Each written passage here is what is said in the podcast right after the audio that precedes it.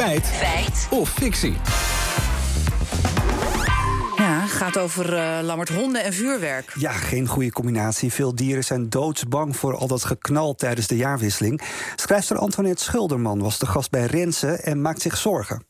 Je weet dus nu al dat als het om dieren gaat... dat er uh, tientallen honden overlijden. Want die in paniek die rennen ergens heen en die komen ergens onder terecht. Ja. En die zijn overleden. Tientallen dode honden zijn ja, het dan. Heel triest. We hebben het uitgezocht. Hondenspecialist Arnoud Busser legt uit waarom vuurwerk zo angstaanjagend is voor honden. Het waarnemen van knallen is bedreigend voor een hond, omdat hij de knallen niet kan plaatsen. Hij begrijpt niet wat het is. Dus een hond voelt zich bedreigd en kiest instinctief voor vluchtgedrag, maar kan uiteindelijk ook in zijn angst gewoon helemaal in een soort fobie raken met alle nare gevolgen van dien. Mm, vluchtgedrag en dan in een fobie raken. Wat voor gedrag zie je dan? Ja, dat uit zich echt op uh, allerlei manieren, zegt hondengedragstherapeut Saskia Ober namens het Landelijk Informatiecentrum Gezelschapsdieren. Een hond die uh, bang is voor vuurwerk, die kan bijvoorbeeld heel erg gaan trillen, gaan hijgen. Maakt zich vaak klein, dus een lage oren en een lage staart. Ze kunnen heel onrustig worden, ze heen en weer lopen. Ze kunnen ook weglopen, proberen te vluchten en weg te komen van het enge geluid. En het komt zelfs voor dat ze uit pure angst het vuurwerk juist aanvallen. En ja, daar moet je al helemaal niet over nadenken.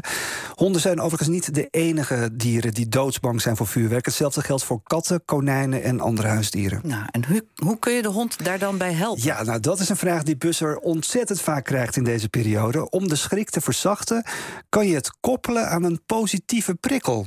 Bij het waarnemen van een knal of bij onweer krijgt hij iets speciaals lekkers, wat hij alleen maar krijgt in die dergelijke situatie. En dat betekent dat de hond op een gegeven moment in staat kan zijn van hé, hey, wacht eens even, knal. Dat betekent wel dat jij nu naar dat kastje toe loopt waar dat zakje in zit. En dat betekent dat je daarmee de angst min of meer wat meer kan controleren. De hele angst uittrainen gaat niet lukken, maar je kan wel zorgen dat het effect van de angst gewoon wat minder schadelijk kan zijn. Nou, en je kunt je hond ook trainen door thuis bijvoorbeeld vuurwerkgeluiden af te spelen.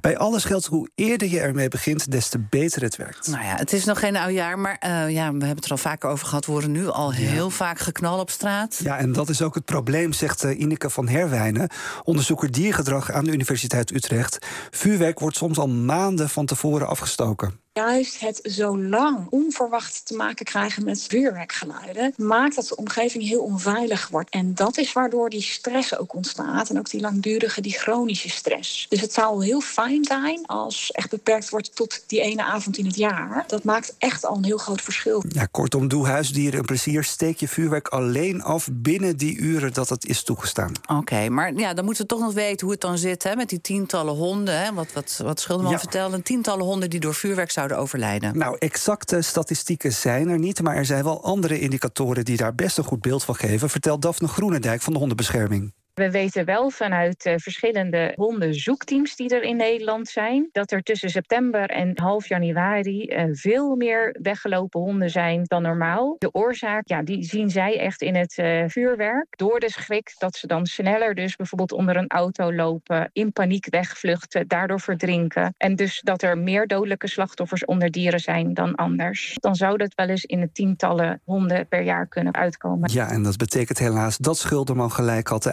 is een feit.